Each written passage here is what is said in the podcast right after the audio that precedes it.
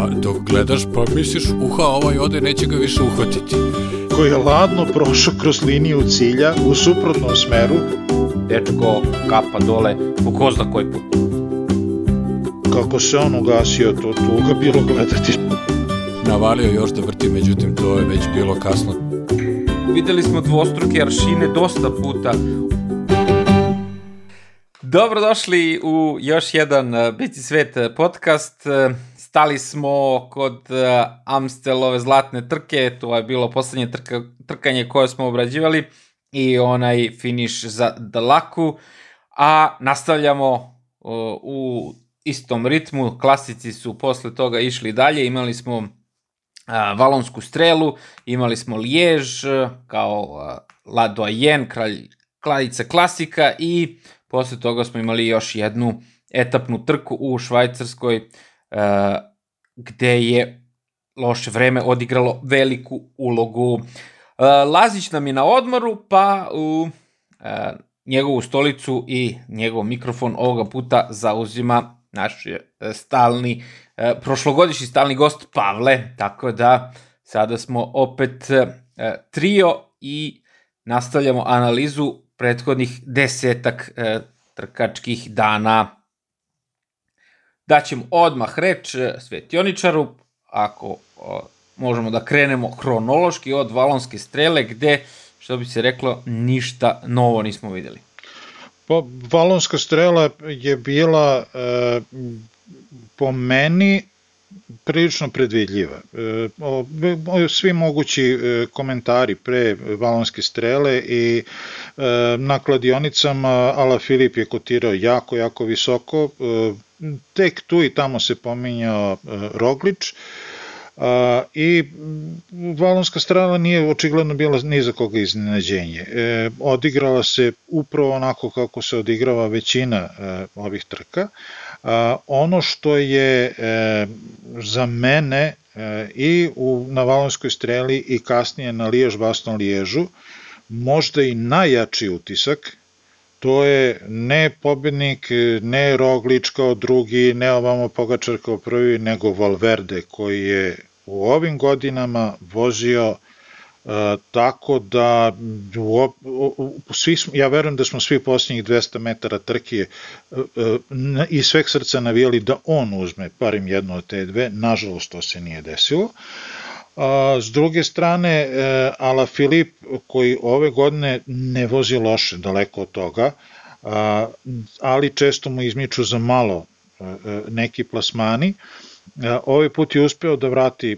Rogliču do nekle za prošlogodišnji Lijež Baston Lijež, ali ga je na samom Liježu do, sačekao Pogačar. Tako da čovjek istu trku u dve godine za redom gubi od Slovenaca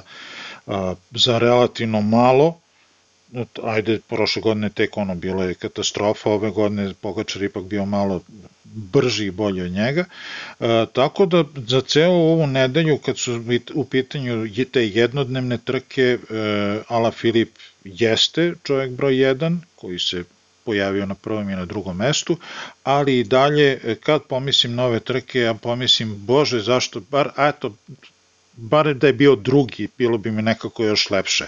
ovaj, Valverde, ali u svakom slučaju zaslužuje naklon do poda kako je, kako je odvezao obe ove trke. Za mene ovo zaslužuje a, diskvalifikaciju do poda na ovoj jednoj trci zato što je vozio po trotoaru, što je b, zabranjeno za sve koji se ne zovu Alejandro Valverde i pogotovo što se to radilo, odnosno što se to dogodilo u poslednjih 500 metara na trci. Ajde da kažemo kad je došlo do samog napada, kada je krenuo Roglič, kada je krenuo za njim Ala Filip, tu se onako odvojilo žito od kukolja i ne može se reći da je sad Valverde došao do podijuma zahvaljujući toj nefer prednosti koju je ostvario pre toga, ali za nekog drugog je to razlika da li si na podijumu ili nisi. On je tu zatvorio Michaela Woodsa koji, ajde, blista ovih dana, ali koji je ostao četvrti i Vuc je tu mogao recimo da ima podijum na ovakvoj jednoj trci, a ti neki sitni detalji koji se pišu u tim nekim statistikama, naravno nikad ne pamtimo ko je bio drugi, ko je bio peti, šesti, ali tako neke statistike Pa znaš, mogu ti donesu ugovor. Možda razlika je da li ćeš da ideš da voziš ono na, na, na pro konti ili da ćeš sve. Tako da mi tu nešto, ne znam kako je tu sad nekako taj UCI koji se nadigao da vodi računa o svemu i svačemu je progledao kroz prste nečemu što se dešavalo unutar poslednjeg kilometra i unutar poslednjih 500 metara na mestu gde se baš, baš, baš sve odlučuje.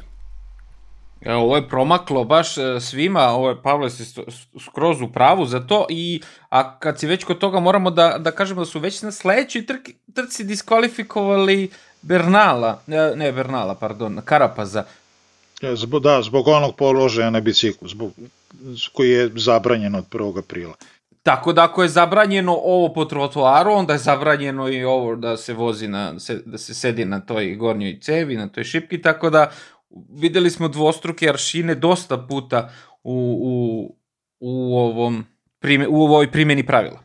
Meni je e, izuzetno drago i mogu ti reći, osjećam se baš ponosnim kad pomislim da je, ni jedna epizoda Bici sveta nije prošla bez otvaranja jedne Pandorine kutije. Znači, e, ovaj, ne može da se re, reći da smo mi sad e, dežurne tužibabe i da upiremo prstom u UCI i, i kad, kad treba i kad ne treba, a, ali e, evo doćemo kasnije do toga, onaj famozni prolog na, na Romandiji i ono što smo svi videli, što je svima bilo frapantno, ajde sad da, da ne pričamo napred, doćemo i do toga, ali e, e, zaista e, maltene ne prođe trka e, da ne vidimo baš to, te dvostruke aršine koje, gde jedna pravila za jednoga važe, za drugoga već ne važe. Videli smo ona Anemije Van Vleuten da nije diskvalifikovana, ali bacila bidon, opet druga devojka bacila bidon, diskvalifikovana. Znači, to ima sad, možemo bukvalno trke do trke da nalazimo takve neke propuste i e, pre ili kasnije pući će tikla Znači, e, nešto pre ili kasnije mora da se, da, se, da se reši na tom planu, da li treba da dođu novi ljudi, drugačiji, koji će biti neopterećeni ne znam čime i koji će reći, ma baš me briga koliko se zoveš i koliko staža imaš u pelotonu, napravio si prekršaj, letiš. E sad, ali to nažalost ne zavisi od nas trojice, ne zavisi verovatno ni od mnogo većeg broja ljudi, ali drago mi je da ovaj podcast uvek, uvek, uvek ukaže na tako neke propuste. Ali jeste ono što si ti rekao na samom početku, a, a nekako jesmo navijeli da Valverde koji je deda u pravom tom nekom smislu, on će par dana kasnije na ovoj drugoj trci koju ćemo obraditi proslaviti 41. rođendan sa sa brojem 41 na leđima i zaista jeste, treba reći da je recimo pet puta osvajao valonsku strelu, od toga četiri puta za redom i u nekom tom smislu sada kada se on povlači, da li to će biti ove godine ili sledeće, dobio je svog naslednika u Ala Filipu koji u poslednje četiri godine još uvek, da kažemo, nema poraz na ovoj trci, dobio je tri u, u četiri godine. Video sam da prošle godine nije vozio, ne mogu da se setim tačno zašto nije vozio, ali sam video da je on tri dana pre toga a, pobedio na svetskom. Tako da može biti da je nakon tog svetskog malo onako odmarao, malo se izduvao, ali eto, na svoja poslednja tri učešća u te eto četiri godine, nijedan put a, nije a, izgubio, svaki put je pobedio eto, može to biti ta neka lepa smena generacija na toj trci koja je krojena i za jednog i za drugog. A u prethodna dva nastupa bio drugi iza Valverdea. Znači, ako mu neka trka leži, ta trka mu leži. E, dobro, e, da li imamo još nešto u vezi ove trke? Ja sam samo hteo da kažem da Valverde je e, možda u, u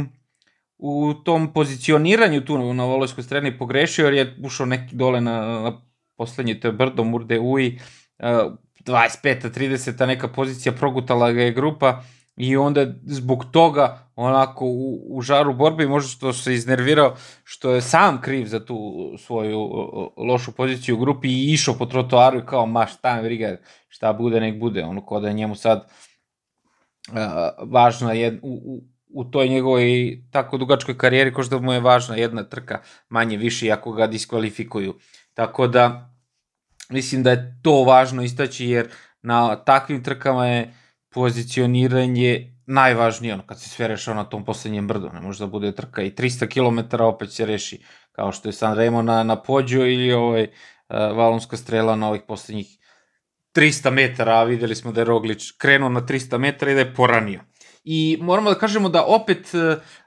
da Pogačar nije vozio, jer je njegov tim bio izbačen praktično sa trke, zato što su imali jedan pozitivan test uh, u okviru tima. Nisam, nisam ispratio ko je tačno to bio, ali eto, i ova luda situacija u svetu i tekako utiče na, na razvoj tih trka i ni Hirši prošlogodišnji, e, čovjek koji je prošle godine bio fantastičan na toj trci, nije vozio, tako da je, e, eto, o, ova svetska situacija lako ostavlja danak i, i na ovim trkama. Nažalost, priroda virusa i način na koji se borimo protiv njega je e, takva da ništa nije 100% sigurno, to su i Emirati osetili na svojoj koži, jer već sutradan su radili kontrolni test koji je pokazao da svi negativni. Znači, isto što se desilo i Jeki Jerić na svetskom prošle godine, u jednom trenutku testiranja pokaže se pozitivno, sle već sutradan ili, ili posle 2-3 dana pokaže se negativno da je test praktično dao lažan rezultat, ali tu sad ne možemo ništa i e, svi idu linijom, nećemo da reskiramo i to je to. E, I još jednu stvar sam hteo samo da kažem, e, žao mi je što nemam vremena ni opremu kako treba, da im, kako bi volao da imam i što nemam na raspolaganju neke malo bolje snimke, ali imam utisak da e, na Murdahuj e, kad bi se uzeo trenutak kad pobednik kreće u sprint, da to mesto se ne bi razlikovalo plus minus 2 metra na onom brdu.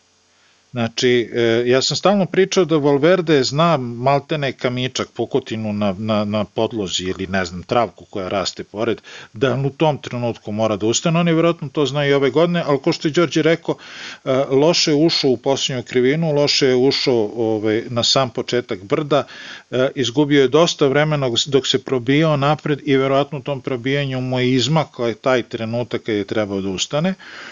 A koliko je taj trenutak bitan, videli smo i po Aleo Filipu koji je a, donekle mirno, bez panike, odgledao Rogliča koji je ustao i krenuo napred i gore, gore, gore, gore i on je čekao i čekao i čekao i kad je došao taj trenutak ustao i završio posao.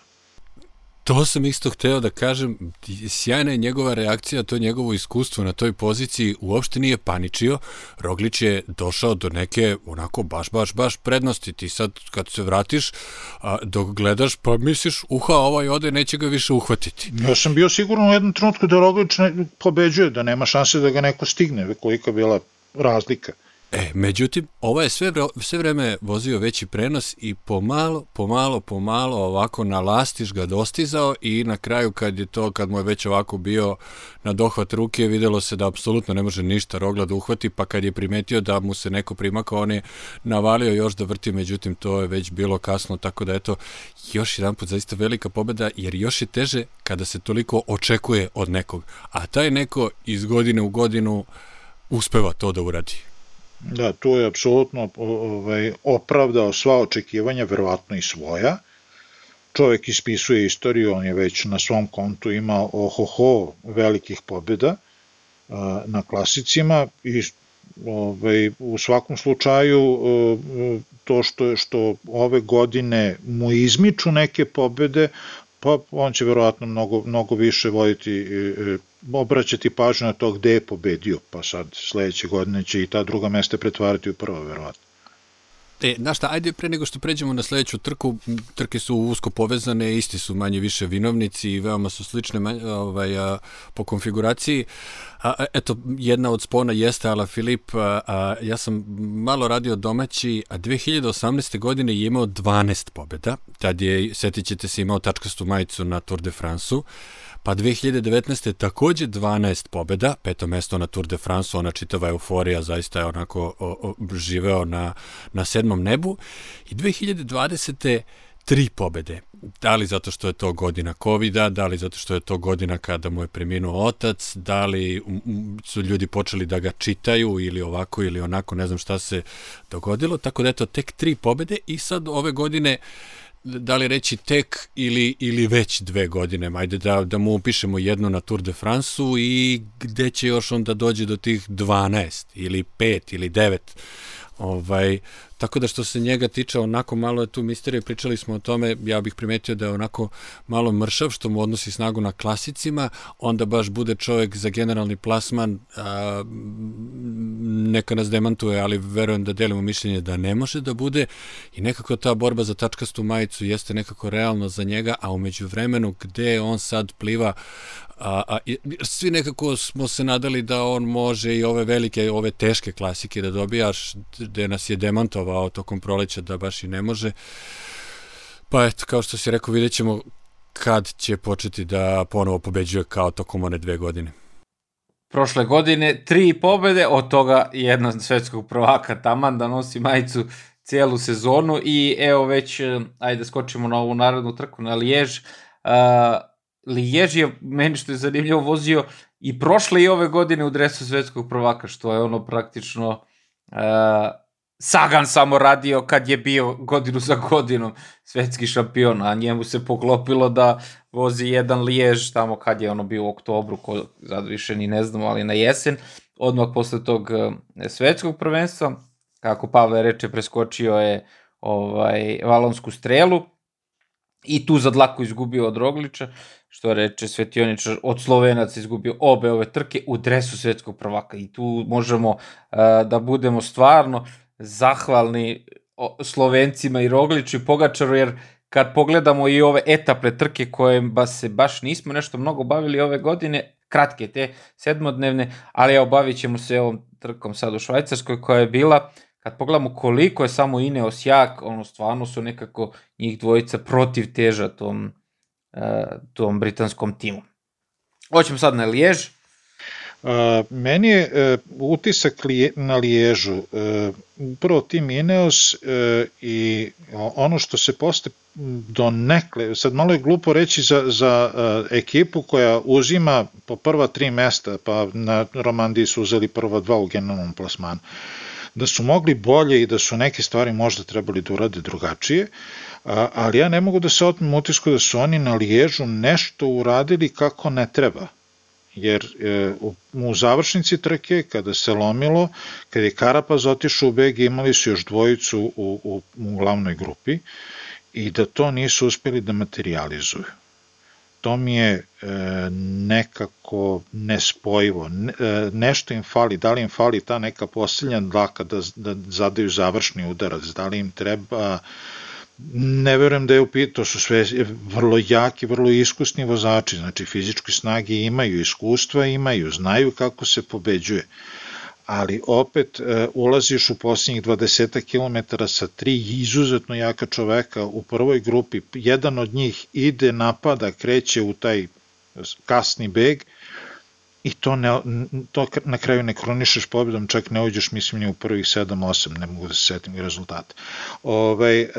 ono što e, je drugi utisak, e, nije pobjeda Pogačara, nego e, u deliću sekunde lucidnost, e, mudrost, kako god da se to nazove, da li Pogačara, da li neko ko je sedeo u kolima e, tima UAE, koji je doneo odluku da kad je Karabas krenuo u beg, nemoj ga juriti, nemoj ga spajati. Jer svi su stali i sad to ono bilo klasična varijanta, ili ćeš da juriš čoveka i da ti čovek ne uzme trku, ili ćeš da, da, ovaj, da sediš i da gledaš kako čovek odlazi i uzima trku. Ne, on je ostao i sačekao grupu iza. A onda zajedno sa tom grupom su praktično progutali Karapaza. E, što e, čovjek, e, dobro, sad ne može više da se kaže, da se stalno govori o, o mladosti Pogačara, čovjek je osvojio Tour de France, osvojio ga sam. Znači čovjek očigledno pokazuje mentalnu zrelost, ne samo fizičku za te godine, ali razmišljam nešto koliko bi ljudi e, na njegovoj, u, u njegovoj poziciji u tom trenutku odlučilo da pošto očigledno se radi o klopci i ne, niko drugi neće da radi, koliko bi drugi krenuli da spajaju Karapaza. Pa meni je to još jedan pokazatelj koliko se ekipa Emirata lepo pojačala jer a, a, a, zaista tu, tu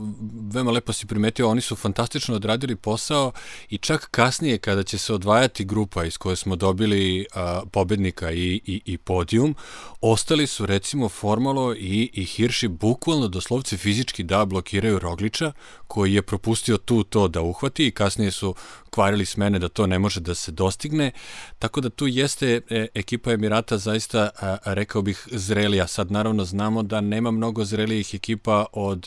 od Ineosa, ali ako smo slušali Alana Pipera,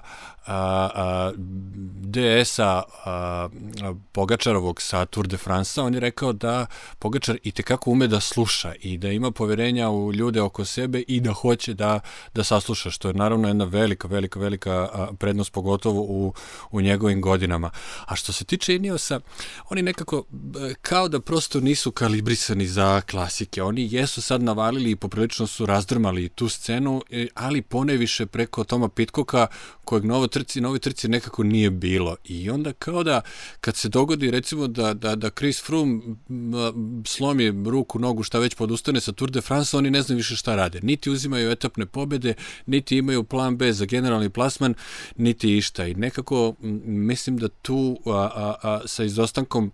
Pitkoka su malo ostali obezglavljeni, a Kvijatkovski koliko god ga ja gotivio, malčice zalazi u godine i ostaje bez snage. Karapaz je svoj debi na klasicima imao prošle godine na Lombardiji, on, ako znamo da, odakle dolazi, kakvu istoriju ima, takođe recimo da nije baš do kraja kalibrisan za ovakve trke i lično mislim da je on krenuo na, u napad 10 km pre nego što je trebalo. Mislim da on požurio sa svojim napadom. Oni naravno, pretpostavljam da, da nije znao, da, da, odnosno da je znao da nema šta da traži u sprintu i da je nekako morao to da rešava ranije. Uh, ali mislim da, da, je, da je prerano krenuo i da jeste zašto kasnije ova dvojica nisu nešto uradili, ne znam, ali nekako mislim da se tu prosto ne snalaze i sam recimo Braceford, Braceford je pričao ranije da da oni vole Grand Tourove zato što mnogo lakše mogu da kontrolišu stvari. Oni ranije nisu ni slali ljude na klasike da se ne bi neko polupao pred Tour de France i to su onako silno nekako izbegavali. Mislim da sad zadnjih godina kad kako taj voz malčice popušta, onda oni šire svoj onako dijapazon, šire polje delovanja i na klasike i kao što ste i vi primetili u prethodnim podcastima, jesu tu malo razdrmali situaciju, ali najviše na Pitcock, koje ovde nije bilo ja sam uh, igrom slučaja imao sreću uh, da, da budem u Srbiji uh, i da gostujem za Lijež ovom na kraju kad se rešavala trka na Eurosportu kod,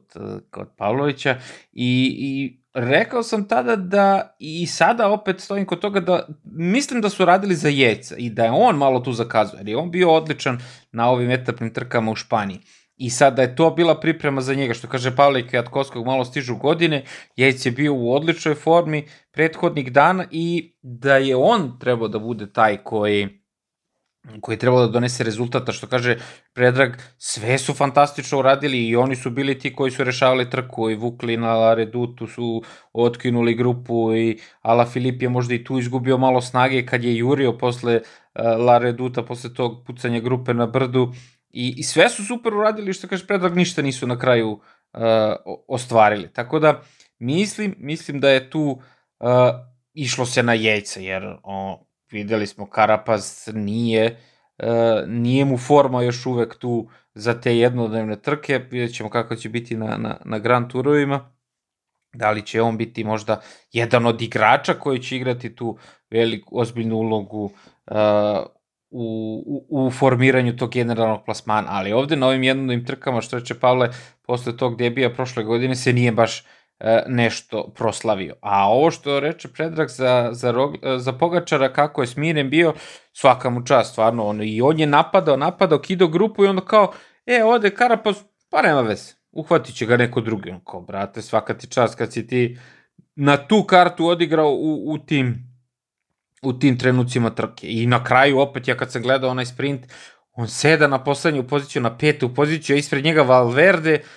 i još treba dvojicu ko je bio Vuc i, i, i onaj mali Gadu, još njih da ospriđu ko čoveč, svaka ti čast, kad ti taj poker igraš u tom sprintu, a i Ala ispred tebe, on kao,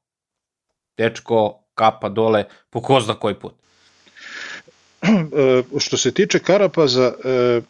Karapaz, ja mislim da on čovjek i ne zna da vozi drugačije. E, on nije neko ko će, znači očigledno nije čovjek za sprint, a, i on nije neko ko će u miru i tišini da izrola 250 km i dobro kao sad, gde, gde sam se zatekao, da li sam 20, 50 i 150 nije bitno. On je, evo, setimo se e, onog džira koji je uzeo, na koji način je uzeo, kako je vozio tu etapu. U jednom trenutku je rečeno, aj ti idi u napad da povučeš ovaj, e, aj sad, Nibalija, da za Landu ostavimo prostor da, da, da, da pobedi trku. Čovek ode, pokida sva ona brda što su ostala do kraja, nikoga nije jurio, preokrenuo na tumbe ovaj, generalni plasmin, na kraju uzeo celu trku. On bukvalno ne zna da vozi drugačije, e, jedini je problem što je upravo što i Pavle rekao, da neko je trebao da mu kaže bolji trenutak kad treba da ide u napad. Ako je već bilo predviđeno da on prvi napada e, i da, da on povuče ostatak grupe da ova dvojica se voze za dž, e, možda je trebalo da to bude malo kasnije. E, ali u svakom slučaju e, on sve vreme vozi e, na način kako zna da vozi. E, treba verovatno neko mudri ili ne znam kako, na koji način to drugačije da, da kažem, ko će mu reći nemoj sad, sačekaj to i to mesto. Meni je strašno drago da, da on ovako vozi, da se ističe. Ja onako tu sad kad ga vidim nekako na klasicima kao da nije u svom nekom prirodnom ono okruženju. Sjetio sam se perioda kada je on jeli, osvojio taj a, a, Giro, pa je odmah sad tokom još te godine nekako bilo obelodanjeno da prelazi u, u, u Ineos. I sad meni ovako to gledajući sa sportskog stanovišta bilo žao jer jedan pobednik Grand Tura mislio sam da će da bude zarobljen u, u vozu i da će da ga samelje taj voz, da će pobednik Grand Tura njima da služi kao tu sad jedna parna mašina. Međutim, eto, on sad tu ide, vozi klasike, napada tamte vamte, na primjeru Teo Gegenharta smo videli da nije nemoguće da neko ko bude plan B da zaista pobedi, pa onda setite se njegove pobede sa Kvijatkovskim, odnosno kad je, kad je Kvijato uzeo etapu, gde je to bilo, to je bilo na Tour de France-u kad je, kad je Bernal otpao, dakle može nekako tu da se istakne, drago mi je da on živi svoj život, da nije jedan od onih koji su u tom crnom vozu i da ne znaš kako ko izgleda, kako se ko zove i kreće, nego eto, pušta pipke na različite strane, to mi je baš lepo. Mislim da smo pomenuli nekoliko puta do sad e, da ovaj Ineos e, post-frumski Ineos, aj tako da ga nazovem, nije isti kao onaj koji za vreme e, dok je Frum bio prva violina. E, upravo što si pomenuo e, malo pre kad si pričao o Ineosu da oni nemaju plan B, to smo videli na onom davnom džiru gde ovaj, na onom Tour de France gde je Frum pao, pa ništa nisu radili posle toga, pa je onda bio onaj džiro gde su pustili Porta da bude prvi čovek tima, kad je bio onaj skandal sa, menj, sa dodavanjem točka, šta je već bilo, ovaj, e, oni jednostavno su bili, e, ja sam bar stjecao takav utisak, oni su bili e, organizovani tako, Frum je centar sveta, on je bog, on zrači na sve strane, vi ste samo njegovi pijuni. Kad njega nema, vi ste obezglavljeni i samo lupate glavom u zid, kad je on tu, svi se poređete u kolonu i svi ginete za njega. I to je bila kompletna priča o, o tadašnjem Skyu, sadašnjem Ineosu. Danas kad pogledaš, pogledaj prvo oni u jako kratkom roku imaju barem jedno 5-6 imena koje su osvajala što etape, što cele trke. Pojavljuje se, eno, pomenuli ste taj Tour de France i e, kako su uzeli te etape, e, kad je Kviato uzeo etapu. Kako je vozio Karapaz na, na Vuelti, dobrano je namučio Pogačara, e, pardon, Rogliča i ceo, i ceo Jumbo. Znači, on je bukvalno momak koji kida u brdima. Ova etapa je bila taman dovoljno brežuljkasta za njega i on je probao da ako ne da osvoji, da bar pomogne ostatku tima. Đorđe jednom prilikom davno rekao za braću Yates, Simon je e, za generalni plasman, a Adam je naštelovan za klasike. Adam se menja. Adam sad počinje da juri generalni plasman na višednevnim trkama. Znači, oni bukvalno su u nekoj, meni se, da vam pravo kažem, dopada ta metamorfoza. Strašno puno novih mladih imena koji bez pogovora kidaju, eto Pitcock, tek je čovjek ušao u, u, u, u peloton na, na velika vrata, već je ostvario određene pobede, već se zna za njega, čuje se za njega, pre, aj, i malo, malo, eto, pre neki dan je otišao na e, mountain bike trku u Švajcarsku i donao prvu titulu Ineosu u mountain bike konkurenciji nikad nisu pre toga imali ni vozača u toj konkurenciji, sad je otišao, uzeo prvo mesto ćao zdravo. Znači, e, potpuno su drugačiji i e, šta god da je, kakav god balans da su vukli što se tiče mišljenja javnog mnjenja ranije, mislim da je sad potpuno drugačija situacija da će imati sve više navijača, jer to je sad, kažem, potpuno, potpuno druga ekipa i druga filozofija. E, a, da se vratimo na ono što, kad smo već kod Karapaza, kad, dok smo još uvek kod njega, na on je diskvalifikovan što je silazio u onu super tak poziciju. Jel mislite da je a, opravdano diskvalifikovan ili ne? Pa pričalo se o tome koliko je ta, ta, ta odluka UCI-a da kažnjava tu poziciju, koliko uopšte takva odluka ispravna ili nije. E, stalno se pominje, nemoj, ono, nemojte to pokušavati kod kuće, a, da je to jako opasno, da može jako, jako lako da se padne i da se dožive ozbiljne povrede. Opet, s druge strane, čuo sam argumente, to su profesionalni vozači, odrasli i žive na biciklu, srasli sa biciklom i lično, ne ja, već verovatno niko od nas nije čuo da je neko u takvoj poziciji pao negde i slomio se ali ako je doneto pravilo, ako, izvini, ako je doneto pravilo, mora da se poštuje. Malo pre smo pominjali to. Znači, ni po babu, ni po stričima, ušao si u taj položaj, zabranjeno je, zvanično, nema šta. Ćao. Ne, ne, ne, ok, a, a, to što nikad niko nije pao, ne treba da čekamo da se dogodi. Imamo slučaj Grune Vegen, pa se zapitamo zašto su jadne one bile barijere i zašto su sad uvedene ove super. Ne, ne, ne, nego pitam da li je on, da li vi možda mislite da je se on minimalno samo spustio, jer tu sad postoji uh, uh, UCI je morao nekako da verbalizuje to svoje pravilo i da kaže da je dozvoljeno spustiti se, znamo da ljudi, pogotovo na hronometar, voze onako na prednjem delu sedišta. Ja sad nekako znajući mudri mudrijaša iz Ineosa koji vode računa o svakom detalju i ne dopuštaju svojim vozačima da čak i podsvesno tako da naprave takvu grešku. Mislim da su oni procenili dokle to može da se ide. I recimo ako bismo mi imali taj komoditet da vidimo taj snimak sa strane, možda bismo videli da se on nije spu, skroz spustio na onaj top tube.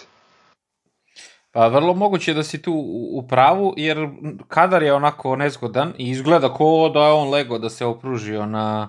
na onu gornju cev, na onom Pinarelu, a u stvari što kažeš ti Pavle da vidimo sa strane, možda to ne bi bilo tako. A, a mislim da se zaboravio skroz i da nisu sad oni to nešto računali, nego se zaboravio, e, vidi ovo spust, treba mi bežim sad, daj malo aeropozicija, a da su ovi tamo sudije jedva dočekali da ono sad isteruju pravdu na nekom ko je to iz tako velikog tima i tako veliko ime, pobedni Grand Tour trke i da se na njemu sad uh, ovaj pravila ono uh, oštre što se kaže jer videli smo dosta propusta uh, i prethodnih ovih prethodnih trka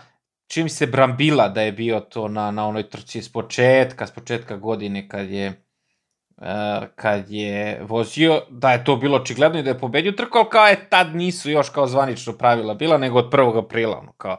daj čoveče, aj šta sad, ono, ovaj, do Vaskrsa jedno, od Vaskrsa drugo, mislim, stvarno, i to, stvarno je to bilo uh, bez veze, ali ajde. I onda smo opet videli na, šta je ono bilo, Flandrija, valjda je bila, kad je onaj dečko bacio onaj bidon kod one publike i kao čao, zdravo, i sad, ono, jedva čekaju da, da sad oni tu Uh, ne sad da samo kažnjavaju, nego mislim da, da zarađuju pare, jer ucio je to izvo, u, ujedno i izvor prihoda, te kazne koje oni uh, tu šlepaju, opravdano ili neopravdano. E,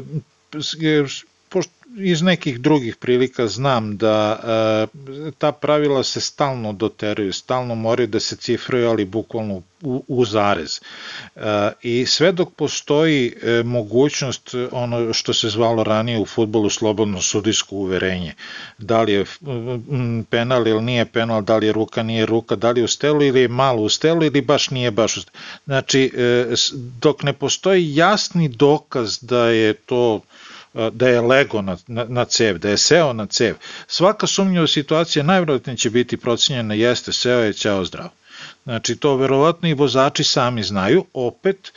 a, oni u taj položaj, pogotovo brdaši koji nas moraju nas pustu vrlo često u, da, da, da koriste sve moguće trikove da budu što brži, a, to je njima refleksna radnja. Znači, pogotovo kad udari adrenalin, ako se ukaže prilika, ja pobedit ću veliku trku, ma ko sad da razmišlja da li sam seo na cevi ili nisam, moje telo reaguje samo, naviknuto je na to. E sad, svaka navika ima svoju odviku, pa vidjet ćemo. A ćemo da vidimo da li će se odvikavaju na džiru, to me živo zanima. Ajde, ovo jednodnevna trka, Karapaz, ništa nije tamo, ni neki plasman bio, ali ajde da vidim neko ko se bude spuštao, znači prva nedelja, ima, imaće neko brdo, neko će da se možda zaboravi, da nabije glavu tu na volan i da to izgleda kao da se spustio tu, ili ona isto diskvalifikuju za onu poziciju kad kao stave podlaktice na, na volan, pa kao bude aerodinamična pozicija kao na hronometarskom e, biciklu. Znači, živo me zanima, tronedeljna trka, hoće li šalju ljudi kući. To je ono, eto, ajde da pratimo. Ja mislim da nam je ovo odličan šlagbor da pređemo na trku kroz Romandiju, e, jer upravo na prvoj etapi, to jest na prologu, se desilo nešto šokantno, nešto što smo svi bili zatečeni i to je, eto, ja sam skoro pominjao,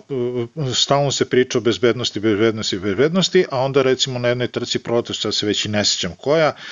čovek ulazi u poslednji kilometar, ravna etap, ravna linija cilja, znači ide jedno 60 na sat, brat bratu i gospođa sa cegerom za pijac prolazi preko, preko ulice, ono, najnormalnije, kod da nigde nikog nema. Videli smo onaj slučaj iz prošle godine na, sa Pariznica kad je Šahmana udarilo, udarilo gospođa koja je tog trenutka odlučila da se isparkirava ili što je već radila. Ove godine smo videli tipa koji izgleda radi dostavu pice ili ne znam čega, koji je ladno prošao kroz liniju cilja u suprotnom smeru u trenutku kada nailazi kavanja, mislim bio, i e, iza njega je na stazi još Geran Thomas. Uh, čitao sam posle milion komentara i svi su ono bili u fazonu kao tu mu je prečica do kuće, pa morao je da žuri na dostavu da ne plati penale ako kasni pizza, pa ne, bilo je milion duhovitih ovaj, e, komentara, ali ostalo je neobja, neobjašnjeno kako se prvo uopšte taj čovjek zateko tu u svim mogućim merama e, protiv covid da ne sme da bude publika, da mora da bude u ograničenom broju, milion redara, milion ovih, milion ovih, i ti pladno rancem na leđima, zu, preko linije cilja, što je najgore od svega ono što je Pavle pokazao, ali evo Pavlo da ne oduzimam reči iz priče i ti na onom snimku kratkom koji si pokazao, šta se vidi? Vidi se da, mu, da je on time uh, zaustavio vreme od Kavanje i Kavanja je tu dobio, šta znam, 3 sekunde bolje vreme. Ko je ti sad? Ali meni uopšte nije, nije jasno kako je on to prekinuo. Zato što to, ja rekao, odnosno očekivao bi da to ne radi živ čovek, e? nego da oni imaju čipove na svojim biciklima, ajde dobro, nemaju na biciklima, nego negde na sebi. Znam kako to funkcioniše na maratonima, dobiješ čip, jer ne mogu, naravno, kad neki maraton, kao na kraju krajeva danas i Beogradski, ima nekoliko hiljada učesnika, ranije to kad ima, kad je učestvovalo hiljadu ljudi, pa tu stoje kraj staze, jedan diktira brojeve, drugi upisuje na tako nekim checkpointovima, na nekim okretnicama, da bi se videlo da su sigurno svi pro, prošli celu stazu. Naravno, 21. vek je, ja sam očekivao da sad ti tu dobiješ čip, to ti stoji na grudima, na patici i ti onda možeš da dobiješ lepo PDF fajl koji si bio na kojoj, na kojoj tački, u kojem vremenu si gde prolazio i nekako sam očekivao da se to dešava u biciklizmu, a ne da najde da, da mačka pretrči put i da okine sad to i da onda se tako desi. Ali taj tip je prošao i o, dakle on ide u kontrasmeru, sad je stao i Remi Kavanja je na taj tweet isto odgovorio, stavio je palac na gore i rekao što se mene tiče može, kud nisi još ranije naišao, razume? Znači, znaš, no, tako da to je bilo potpuno, potpuno nešto nevero, nevero ne znam, znaš, ne verujem da sad tu je koji pritiska dugme kad neko pređe liniju cilja, ili, ili možda ipak sedi. Pa ne čoveče, Švajcarska je to, mora se radi, ono, čovjek je bio u poslu, šta sad ovi što se vozaju tu po drubu koji šiša, ono, mislim. A imaju, imaju one čipove koje kače obično na, na prednju viljušku, e sad, moguće da je, da pošto sad se izmenio ovaj malo dizajn, moguće da ga kače na neki drugi deo ovaj, bicikla, ali to je ono da, da su svi prošli E, da su svi prošli liniju cilje. Sad, e, mislim da je ono baš fizički nešto, e, ono, kao foto finish kamera zaustavlja vreme, da je ono baš bude vrh ili gde se sad zaustavlja, možda čak kad na hronometru čak kad ceo bicikl prođe, čini mi se da staje vreme. Ali bez obzira, Remi je tog trenutka bio jedno 7-8 metara od, od linije cilja, možda i više kad je, kad je ti prošao svojim biciklom. Znači, nije, e, bicikl e, Remi Kavanje nije ni na koji način mogao da utiče na to. Ne, ali čekaj, Ništa. ne može biti na bicikli, šta rade kad zamene bicikl? Pa treba da imaju i tamo, treba da imaju i tamo isto. Da, i to je isto pojed. E, ja sam pročitao jedan komentar, ja zaista ne znam koliko je tačno to, ovaj, da na, na liniji cilja, ona crna linija, da je osetljiva na težinu i da težina nečega što prelazi preko te linije u stvari aktivira stopiranje vremena. Samo sam pročito, zaista nisam, nisam, što mi je logično objašnjenje za to što se desilo. Jer smo videli da bukvalno kad ovaj ajde kažemo stranac, prelazi preko te trake, da se tog momenta zaustavlja vreme gde je Remi već bio 10 metara dalje i tek Volt. posle 3, 3 sekunde je prošao ili koliko već je prošlo. Da, da, da, da, da, da, da. Ovaj, u svakom slučaju da nijednog trenutka mi, ja u stvari nisam video, ako neko video, volio bi da, da, da mi pošalje link da, da pročitam zvanično saopštenje UCI-a povodom tog incidenta. To je već incident. Da ne, da ne pričam šta je moglo da se desi e, da, da se, ne znam, u punoj brzini sudario sa, sa, sa Gerantom Tomasom. E, dobro, Gerant u tom trenutku to je bilo ono uzbrdice i nisu, nisu išli ne znam kakvom brzinom, ali opet je, ne, možeš misliti kako je Gerant, da li je ovaj, u jednom trenutku se odvaja put sa strane, moguće da je ovaj otišao već sa, sa glavne staze pre nego što je Gerant naišao. Zamisli Geranta, ono, koncentrisan na hronometar, na kucanje svetna i jedan put mu se pojavlja dostavljač pica koji prolazi pored njega. to je stvarno. Pa znaš šta, Gerent je, Gerent je magnet za te stvari. Što smo videli posle pretposlednji dan. Nikom nikad nije se ono desilo, njemu se desilo. da, čoveče, e, ono je, ono je, ono je, tek, tek je to bilo. Ali vidi, Uh, možda je neko iz Ucija naručio picu, a dečko došao i kao, je, ne može nazad. Ma, šta, vrate, ne mogu nazad. Šta si me zvao ovde na vrbrda, ono, pa sad ne mogu nazad. da, da, da, da. E, to je, eto, e, jednog dana će neko da, da, da sedne i da napiše sabrana dela Ucijevih gluposti, ovaj, i to će verovatno ući u, u, u opis propusta, ali pazi, to je je apsolutno nezamislivo da, da, da se tako nešto desi, ali eto, desilo se, očigledno. Sad isto kad se setim, znaš koliko puta imaš uh, recimo neki brdski cilj nebu pod oblake, ono na više od 2000 metara, a zbog uh, nemogućnosti, recimo autobusi, kamp i, i reportažna kola, svi su 3 km niže Pa ti onda no, recimo se kontadori okrene i vozi dole dok grupeto još uvek stiže. I tu isto sigurno se tu se isto se trigeruje taj ovaj prekidač, ali da kažeš, tako da nije nemoguće da se to zapravo i dalje radi na papir i olovku, a ne ni na kakve neke čipove. Ne znam ja, ne, a pazi, to što si ti rekao za okretne, moguće da ovo samo za hronometar. Znaš, a ovo što si opisao situaciju, vozači su spremni na to, pogotovo kad kasne, znaju da je već dosta njih otišlo gore, da su im autobusi dole u podnožju i očekuje da će se mimo ilaziti sa nekim usput. Ali ovo gde ti voziš 4,5 km, 4 koliko već, 4 km 50 metara prolog, ne očekuješ da se pojavi neki divljak odjednom sad. Jeste.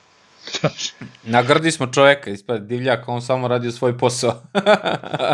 pa nije, ne, ne, ne, nisam mislio divljaka zbog ponašanja, ko zna šta je čoveku bilo u glavi, komu je šta rekao i gde je šta išao, baš ono da sam neki sad istraživački novinar u švajcarskoj sportskoj redakciji nekoj, jurio bi preko bi nebo i zemlju da ga nađem, da ga pitam gde je spošao života. Radimo intervju, brat, sa njim. Da, da, da, da, da, man tako, pozovem ga u podcast.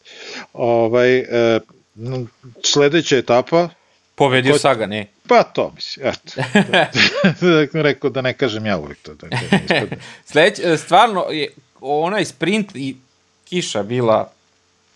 loše vreme, celu trku je obeležilo to, ali vozači znaju, ono, u svi su u komentarima stavili kao ne bi bila Tour of Romandi da nije loše vreme. I uh,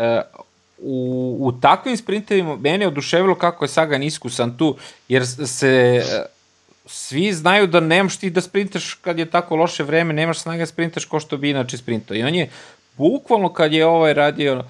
lead out za Sonija Colbrelija, uh, njegov čovjek napred, on je samo tu u poslednjih par stot, na 500 metara čini mi se da ili na 300, tako nešto, prošao ovog uh, uh, vozača iz uh, Startup Nation i to je bio Patrick Bevan i bukvalno u tom trenutku je bila trka njegova, jer je ostalo samo još jednog vozača da osprinta, to je bio Sonny Colbrelli, koji eto nije mogao to da, da kruniše tog dana, ali već narednog je pošto nije bilo Sagana, uspeo Colbrelli da, da triumfuje. Znači, meni taj potez Sagana je fantastičan, ono čoveče, ti si pravi, znaš sve šta, gde, kako treba da se postaviš i kao mačka je ono. Sagan već ima dva put više pobjede nego prošle godine. što bi se rekla, ekstra uspešna godina.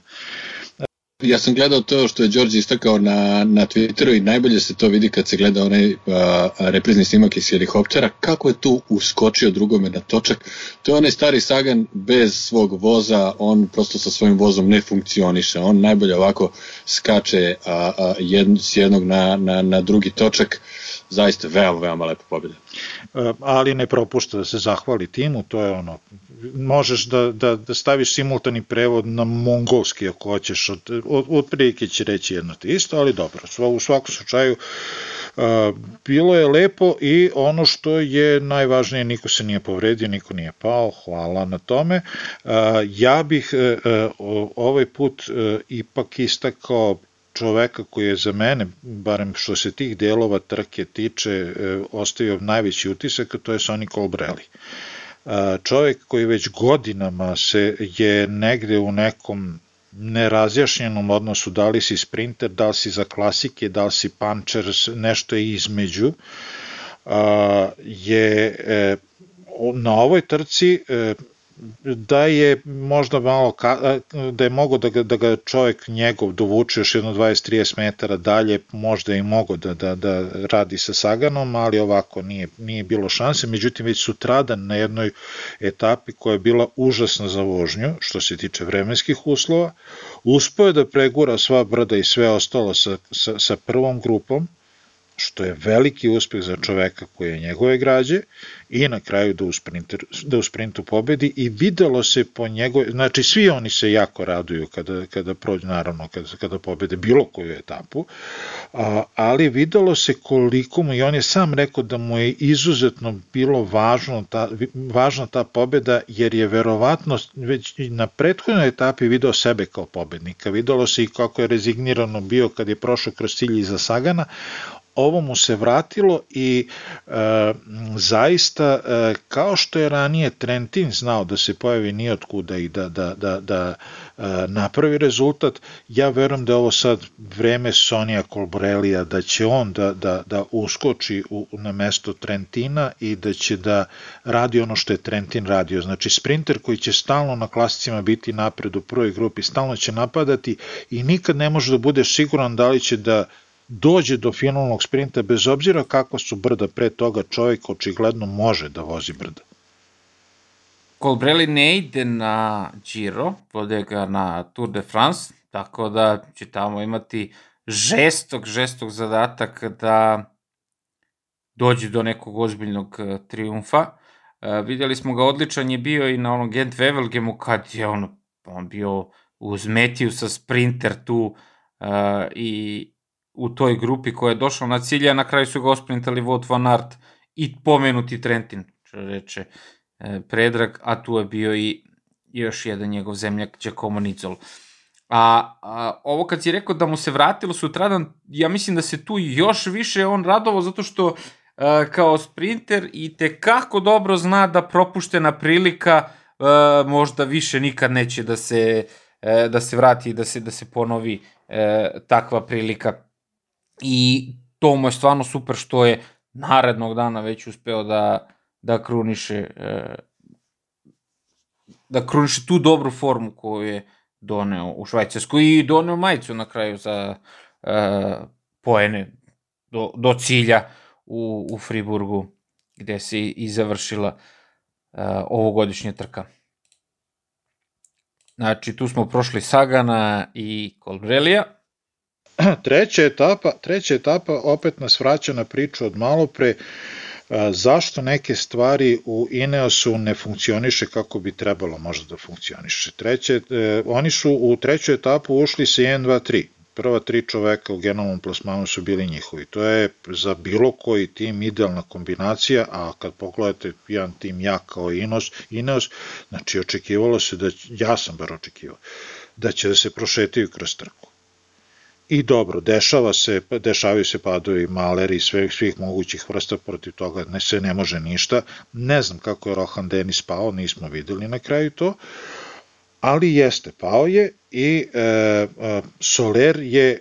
krenuo u napad.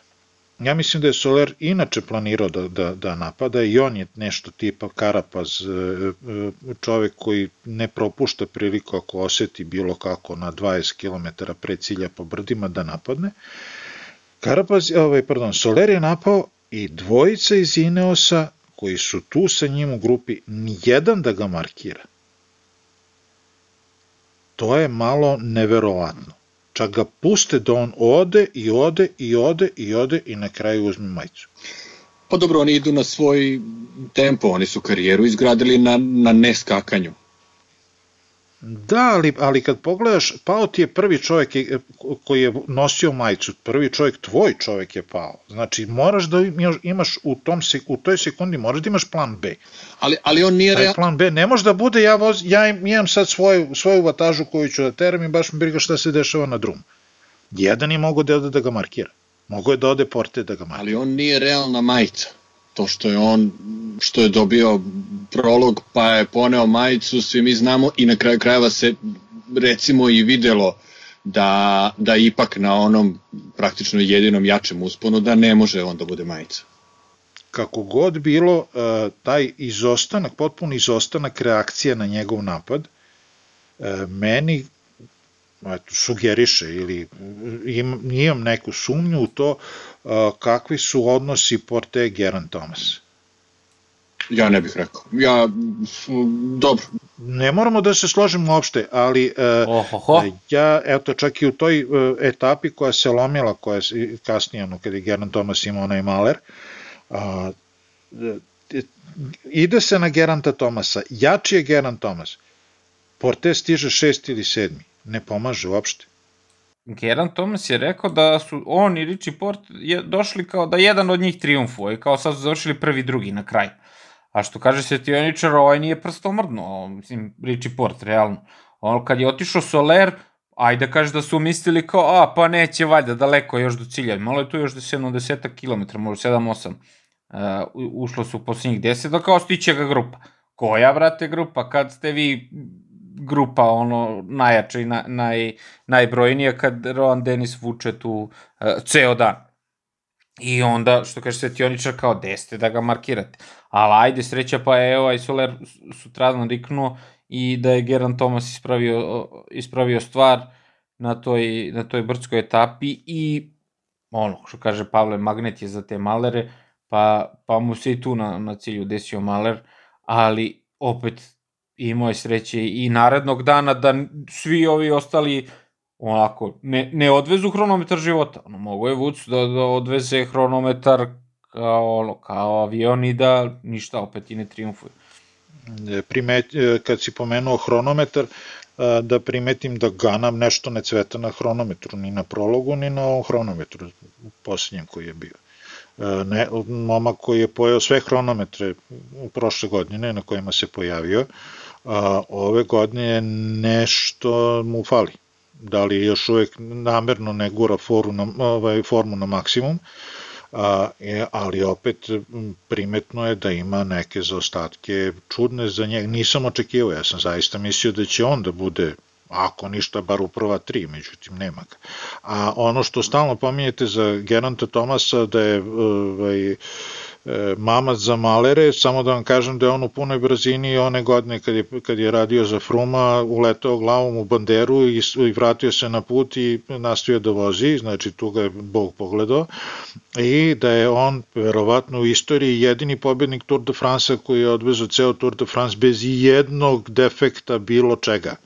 Znači, imao je tri nedelje zvezdu sreće samo za sebe. Znači, potrošio sreću koju je imao do sad i pa, pa mu se desili to što mu se desilo, to je, evo, Đorđe možda objasni šta se desilo drugu Tomasu na koliko, 15 met, 20 metara od linije cilja, da li ima toliko, nema.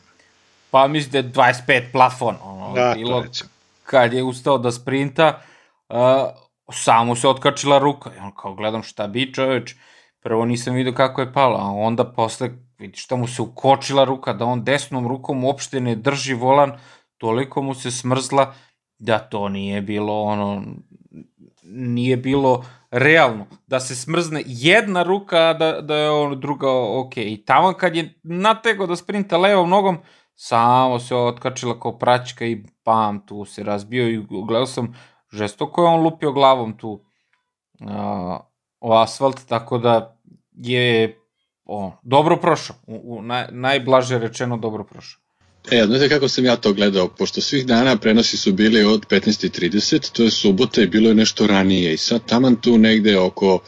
oko 15 sati ja se tu sad spremam da se, da se uključim da ispratim i stiže poruka pa jeste ovaj tvoj G pravi maler. I ja sad brže bolje da vidim šta se sad to pa desilo. I vratim i gledam zadnjih 10 km, odnosno ili zadnjih, pa dobro, nije sat vremena, ali onako ima baš podosta da se, da se gleda. I gledam ja sad kad je taj maler. Naravno, pada kiša, znamo pad uh, Štefana Kunga pre neki dan, uh, odnosno par dana pre toga koji se dogodio, kad je baš nagazio belu liniju i nekako u, u onom, ajde možemo da se vratimo na tu, na tu etapu. I ja sad pretpostavljam da će slično nešto da se dogodi, prolaze kilometri, 8, 7, 6, ništa od tog nekog malera, 5, ovako sad već tu Woods počinje da napada, odvaja se, sad sa svaki, kako god da slikaju Gerenta Tomasa, ja gledam gde je njemu ona bela linija, jer on sve vreme vozi desno uz, uz put i, i, i sve gledam, gledam hoće li da, da, da vozi preko bele linije ili neće, šta će da se dogodi. On već odlazi do Vuca, njih dvojica se odvajaju, ovaj ga stiže, kreće, hoće li više taj maler, zadnja dva kilometra, šta sad tu možda se dogodi? Ulaze u zadnji kilometar, dobro, idemo sad, čekamo maler, zadnjih 500 metara, zadnjih 300, zadnjih, pa koji sad više maler, tu sad možda se dogodi i onda stvarno, razumeš, ali u svemu tome me je radovala, a, radovala njegova vožnja, jer ja nekako m, nakon onog osvojenog Tour de France-a, nakon što se naredne godine nije baš najbolje pokazao na turu sa Bernalom, malo počinjem da gubim veru u njega, pogotovo onda u tom nekom međuprostoru su se pojavila ova deca, pojavili se Slovenci, odneo vrak šalu a, i nekako nisam baš najsigurniji koliko i on tu može sa to da, da, da iznese, međutim ovo je bila stvarno lepa vožnja, lep pokazatelj i to me je, i najmenji mi je bio problem što što nije osvojio tu, tu etapu, a po tome da je on krenuo tu tad da menja brzinu, da sprinta, ustao da sprinta, kako se ne sprinta, znači nije držao ovaj upravljač dole, nego ovako gore. Da on sad na 30 metara do cilja menja brzinu, to govori stvarno koliko mu je, koliko mu je bilo stalo. E, a reci nam, molim te, samo nam objasni uh, tvoju vezu sa Gernandom Thomasom i zašto, zašto ga ti uh, voliš. vršnjaci i to, ono što si nam objašnjavao. Ko, ko je s kim tu vršnjak? Naslednici, znamo da je Ja mislim u istoj nedelji a, a, dobili smo decu Chad Haga, Geraint Thomas i, i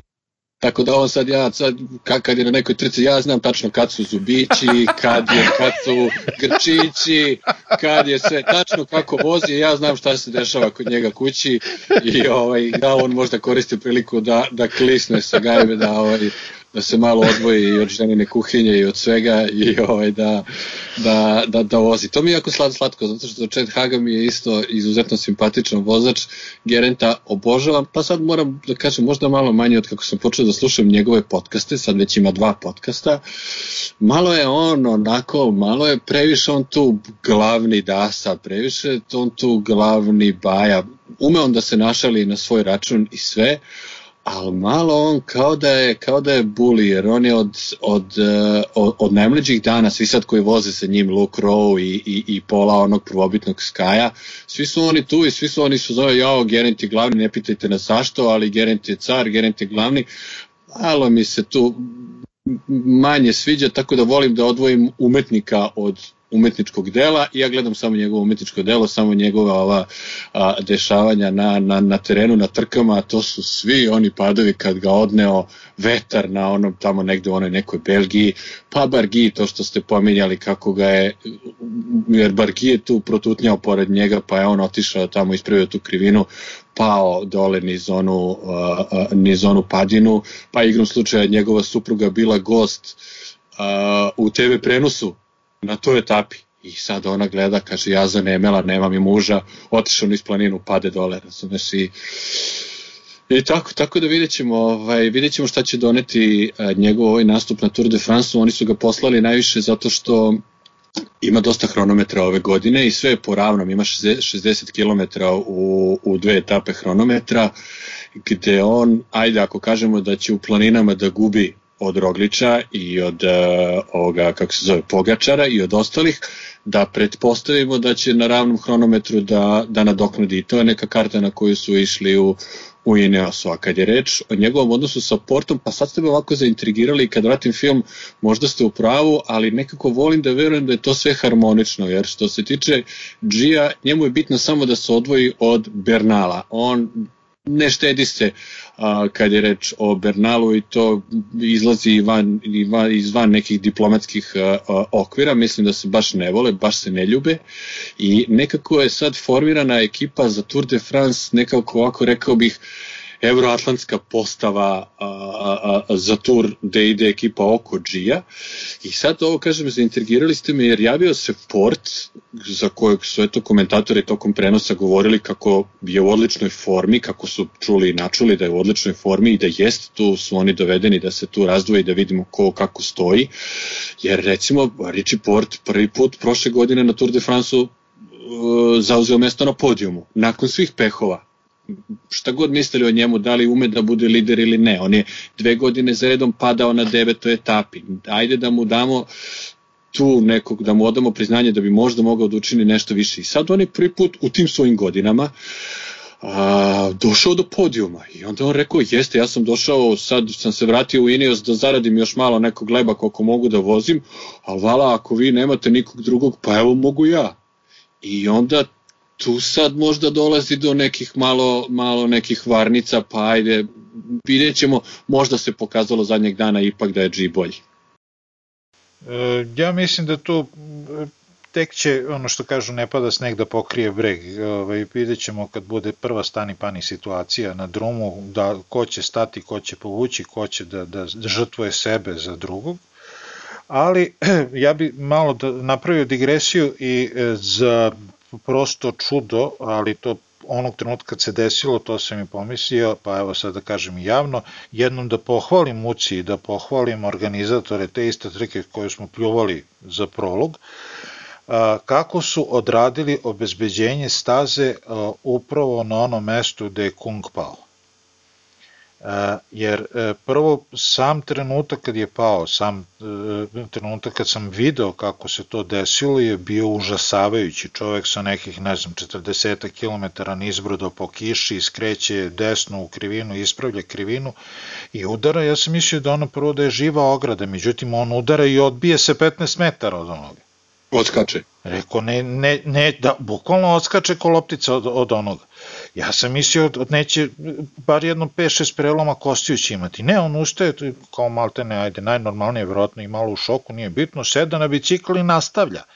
Da bi se u usporenom snimku videlo da pored te žive ograde, živice, šta je već ono, ne žbunić neki bio,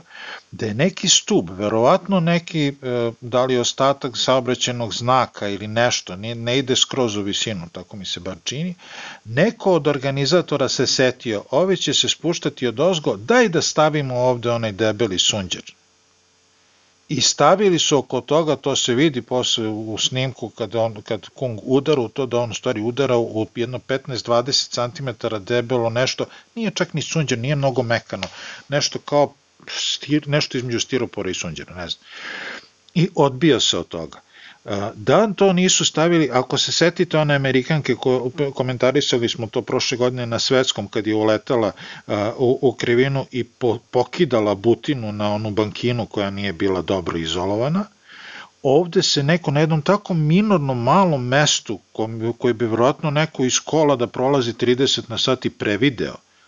neko je znao, stao, stavio ovaj, zaštitu i ta zaštita je uradila posao. I kogod je to uradio od mene, svaka čast. Šta je meni bilo, ja sam a, a, gledao to u prenosu i A, kad su takve neke situacije a, u režiseri TV prenosa ili recimo kad neko u, u futbolu kad neko istrči na, na, na teren od gledalaca, trude se da, da se to ne slika, da se to nekako ne širi na, na mlade ljude, na javnost levo desno ako baš, ako baš ne mora ili ako se neko pobije ili ne znam šta ili u biciklizmu ukoliko je neko malkice nastradao, ako je malo teže povređen. I sad ja mislim da je prošao pun minut, a u direktnom prenosu minut je veoma duga stvar, da nema tog snimka. Ja sad kažem, pa šta se dešava, nije sprint, pa da mi nemo sad da se vratimo da imamo na čoveka. Da šta, šta se dešava sa njim, zašto nema reprize? I onda kad su vratili, sada sam, da, super strava, sve u redu, i čak on je stigao, ako se ne varam, i pre one grupe što ih je jurila, da, da sedne onako da, da se vrati i, i da vozi. Prava je šteta, eto, možemo da, jer on je bio veliki pokretač na toj etapi, on je tu onako kontrolisao o, o, ove stvari, odnosno on je vukao i recimo da bi tu zaslužio da dobije tu etapu i međutim pao je. E, druga pohvalna stvar, e, koje, to je ono što je e, Đođe u najavi priče o ovoj trci rekao da praktično nema romandije bez ružnog vremena, ove godine je baš ono bilo. Kiselo, hladno, mokro,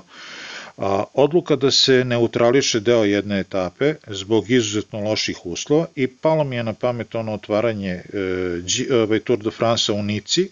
gde je palo koliko 40 i nešto vozača tokom etape i gde su praktično vozači odlučili da će da neutrališu deo trke i da se spuste sa brda u ravnicu u mirnim uslovima, pa su ono iza stane izleteli, pa na kraju overili krivinu. Ovaj, ovde e, je jasno se videlo, znači nije moglo da bude nikakvih e, nedoumica, e, video se jasno tabla koja iz sudijskih kola pokaza, crvena tabla, stani, vozi polako, naredna 3 km ništa nema da se dešava, samo prođite ova 3 km, nemoj da gubite glavu. Izuzetno pametna odluka, i drago mi je da je doneta u, u pravom času i da praktično jeste bilo hladno i verovatno je bilo užasno teško voziti po takvim uslovima, ali tu gde je bilo najviše opasnosti da se nešto ružno desi, tu je stavljena rampa i rečeno ok, nećemo, nećemo da, da reskiramo ništa, vozite polako. I to takođe pozdravljam uvek. Da, to je, to je ispalo super e, sa tom neutralizacijom, s tim što su posle zeznuli kad su pustili, dali su još jedno minut i po dva beguncima, što je bio veliki, uh, s druge strane, ono, kiks, zato što je, ono, moglo da se desi da, ovaj, da nije riknuo Magnus Kort. Ovaj. Kako, a kako se on ugasio, to tuga bilo gledati čoveče. Samo se ugasio, da, na ono koliko, na 3 km do cilja. I, jer opet imao je dva minuta uh, nagradno od, od Ucija, a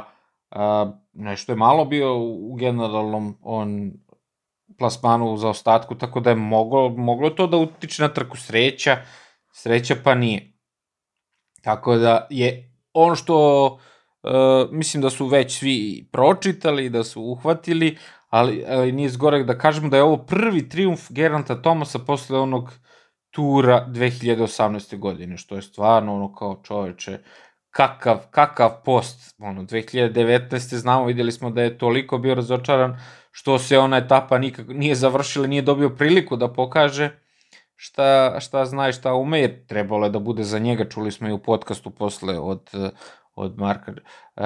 Džala koji je, uh, koji nam je ispričao sve to i, u, da je planirano bilo za njega da, da on triumfuje, ali eto Bernal je ono triumfuo posle toga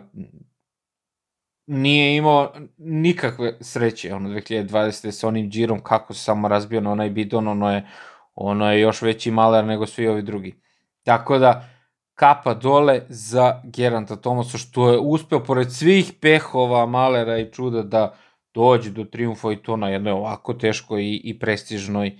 trci u, u Švajcarskoj nisam se setio kada je Pavle rekao još na početku za Valverde, a Valverde je sam rekao da mu ovo nije poslednji Lijež Baston Lijež, da mu nije poslednja valonska strela, znači nema nameru da ove godine ide u penziju, što ako će da vozi ovako ko što vozi i ove godine svaka čast, nemam, nemam ništa protiv i 10 godina narednih da vozi, ali ne bih volao da dođe u situaciju kao u kojoj je sad Frum, a, Frum nije pola Fruma kakav je bio 2017. recimo, a, za ostaci koje dobija na, njegu, na jednoj od njegovih e, e, disciplina na hronometru su poražavajući i to uopšte ne može se nazove rezultatom. Oni dalje gura neku priču da se je na putu oporavka, ali ide malo sporije i sve to, ali jednog trenutka će neko Izrael Startup Nation morati stavi prst na čelo i pita zašto te plaćamo toliko. Pa jeste, ja rekao bih da ipak taj reklamni trik je njima u redu. Siguran sam da su oni očekivali bolje rezultate od njega, a da nisu baš iznenađeni što se to sad ne dešava. I sad se samo postavlja pitanje da li će ga voditi na tur. A, siguran sam da moraju, jer je on njihov a, Peter Sagan u tom nekom takvom smislu, on je sad taj tim, a opet pojavljuju se neke priče da se plaše da bi moglo nekad da se dogodi da on ne prođe rampu i da čovek koji je to takmičenje osvojio četiri puta, koji je toliko i navalio da, da dođe, da izjednači rekord, da ima pet titula, a zbog toga je i otišao iz Iniosa jer je verovatno tamo mu je isto jasno rečeno da verovatno je i on sam video brojke i znao kakva je situacija i, i, i verovatno mu je rečeno da neće dobiti šansu i da su mu otvorena vrata ako hoće negde drugde svoju šansu. To, eto, ja sam iznenađen da to ide tako slabo, ok, znamo koji su razlozi, niko nije mogao ništa da garantuje, tako da eto vidjet ćemo sad nekako po rezultatima koje ostvaruje, apsolutno nema šta da traži na Tour de France-u, a da ga ne povedu, a platili su ga koliko su ga platili, ne ide, a i pored svega mislim da im je uradilo posao to što su ga doveli i, i, i, i to što su sve. Možemo da se vratimo još samo za par detalja na, na ovu trku, eto kad je reč o toj ekipi videli smo Michaela Vuca koji je briljirao na ovim nekim klasicima i koji je čak stigao da ponese majicu to kad je Gerard tresnuo, ali a, ono što znamo već, već, već neko vreme, bez hronometra nema pobede i ja bih njega neće on baš ovo slušati, neka se slobodno naljuti ako čuje, ja bih njega otpisao, pa neka me demantuje, drag je čovek, ne bih imao ništa protiv, ali mislim da ipak toliki zaostatak već na prologu, pa potom i, i, i na krajnjem ovom hronometru od 16 km, a na Tour de France će biti četvorostruko toliko a bit će isti manje više učesnici, a, a, bit će tu eto jedan Geraint Thomas koji ga je tu pobedio, pa sad vidjet ćemo, a recimo Michael Woods nije mogao Gia da ostavi ni, ni, ni u brdima, tako da ajde, vidjet ćemo sigurno, je, dakle tu je sad rešena misterija ko je prvi vozač a, Izraela na, na turu, ovaj, da, odnosno jasno da to nije nikako Chris Froome. A jeste ispratili uh, Mark Soler u žutom što je iznenadio svog čoveka? On je nosio majicu jedan dan i sad negde otprilike pod kraj te neke sledeće etape on treba od svog ovog sonjera da uzme a, a, prehranu, šta god, i čovjek ga ne prepoznaje i ne da mu onako beži rukom i neće da da nepoznatom čoveku a, taj bidon, ok, u nekoj drugoj situaciji kogo traži vode, evo ti vode, napise sve ok, ali sad se, to predposlednja etapa, rešava se trka. Nekako čovjek movi stara, ne zna da je njegov čovjek u žutom, nije ga prepoznao, nije mu dao i sad, da li sad zbog toga ili zbog nečeg drugog, Mark Soler kasnije pukao na kraju, što je tako je to još jedna potvrda da u movi staru onako ima nekih određenih neozbiljnosti, a Mark Soler svakako veoma simpatičan vozač i nekako on je tu odradio ono što Karapaz je propustio, a to je otpratio je Landu i, i Quintanu i dočekao da on sad to bude. Imaš tu sad tog nekog Enrika Masa, imaš Valverdea koji ipak ne može da, da figurira za Grand Tour i eto, imamo tri Grand Tura, a nas dvojica smo tu, tako da je to okej. Okay. Samo da, samo da te podsjetim da je Lopez sad član Movistara, Superman mali, koji je trebao da pomaže Soleru, ali kao što smo imali prilike da vidimo, on je vozio neku svoju trku, stizao 15. na cilj i kaže, ma briga me za Solera, ćao, zdravo, ja sam super zvezda, došao sam za ogromne pare. To je takođe jedna od priča kad je Marks, kad je ovaj Lopez mogao da potpiše za Movistar, svako može da potpiše za svakog. Posle svega što su rekli jedni od drugima i posle da. svih uvreda izrečenih na kraju potpiše ugovor i, uđe, što bi se reklo, u slačionicu, dobro, malo je drugačije organizovan sport, pa nema ono 20 ljudi na gomili, ovaj, e, onda je stvarno sve moguće. Onda svako može da potpiše za bilo koga. ja, hoćemo da završavamo sa ovim intrigama. Sad za Tour de France čekamo naredni vikend kreće Giro pa ćemo da vidimo ko čija majka crnu prede, ko je prvi vozač tu, kome trenutno, a za Tour možda, a kad smo već kod Fruma, a, Pavle, zaboravio si da kažeš, možda mu čak i stoji u ugovoru da mora da vozi Tour.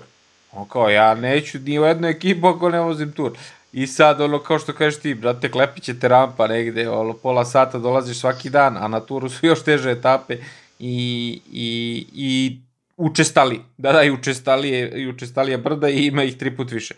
Tako da, a, a možda se sad ovde i e, po vampiri ovaj, Dan Martin, pa i on kao bude dobar na džiru, vidjet ćemo sad kakva će konkurencija biti u Izraelu. Što, ali što se rekao bi što se tiče uh, marketničkog tog dela tu, što se tiče Izraela i Fruma, to je sve, rekao bih, win-win situacija, imaju medijske pažnje i više nego što, uh, što su mogli da pretpostave jedni i drugi. Tako da, to je, rekao bih, to, da završavamo za, za ovu epizodu. Pa ćemo da vidimo što kaže Pavle, nek nas demantuju. Ajde. Ajde, ajde, da, ajde da vidimo ako ajde. smeju. Ajde. Ako smeju. to je to. Uh, za uh, ovo nedeljni podcast uh, pratite nas uh, i na društvenim mrežama i na raznim audio kanalima tu smo, prisutni smo i na YouTube-u i uh, ostavite nam uh, u komentarima gde je to vama zgodno uh, vaše mišljenje ili neko, uh, neko pitanje za naredni podcast. Prijatno i do slušanja. Pozdrav. Zdravo, prijatno.